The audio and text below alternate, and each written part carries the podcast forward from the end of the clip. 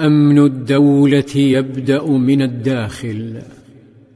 عندما يسير المرء في دولة النبي صلى الله عليه وسلم فإنه لا يرى ملائكة تسكن البيوت أو ترتاد الأسواق أو تتردد في الطرقات لكنه يرى شيئا مدهشا. يرى أمنا واستقرارا يرى بشرا يحميهم النظام ولا يحابيهم. نظام يطبق على الجميع دون استثناء. وعندما يسير في دول الظلم فإنه لا يرى شياطين في البيوت أو الطرقات. لكنه يرى نظاما غائبا وحدودا قد امحت. البشر هنا هم البشر هناك لكن القوي يرى الا حدود تردعه فتغريه قوته وتتوغل به فيلتهم الضعيف وحقوق الضعيف ليتحول إلى كائن بلا أخلاق. أما حكاية الضمير وتأنيب الضمير فلا تسمن ولا تغني من جوع في غياب النظام العادل. عندما أسس صلى الله عليه وسلم دولته دون إكراه بدأ بناء الفرد بالتوحيد لا بالشعارات والمثاليات. التوحيد يعني أن الكل لله وأن الكل في ملكه وتحت قدرته وعدله. تحت رحمته أو بطشه.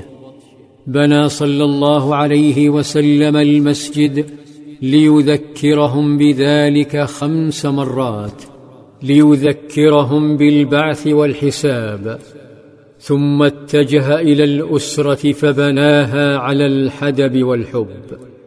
ذات يوم كان صلى الله عليه وسلم وصحابته في مجلس فمر شاب جلد قد نحتت العضلات جسمه وشع النشاط من حركته فحدق به الصحابة وقد أعجبتهم قوته فالتفتوا إلى نبيهم صلى الله عليه وسلم وقال أحدهم يا رسول الله لو كان هذا في سبيل الله فأضاء لهم صلى الله عليه وسلم أن القوة حين توجه للعناية بالضعفاء لا للبطش بهم تصبح جهادا.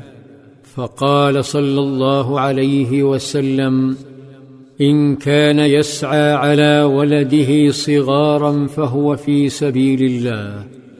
وإن كان خرج يسعى على أبوين شيخين كبيرين ففي سبيل الله. وإن كان خرج يسعى على نفسه ليعفها ففي سبيل الله. وإن كان خرج يسعى على أهله ففي سبيل الله.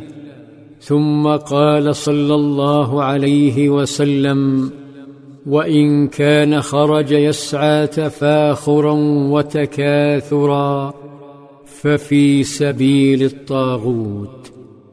أمر صلى الله عليه وسلم ببر الوالدين وبالعدل في العطاء بين البنات والبنين وقال خيركم خيركم لأهله وابدأ بمن تعول.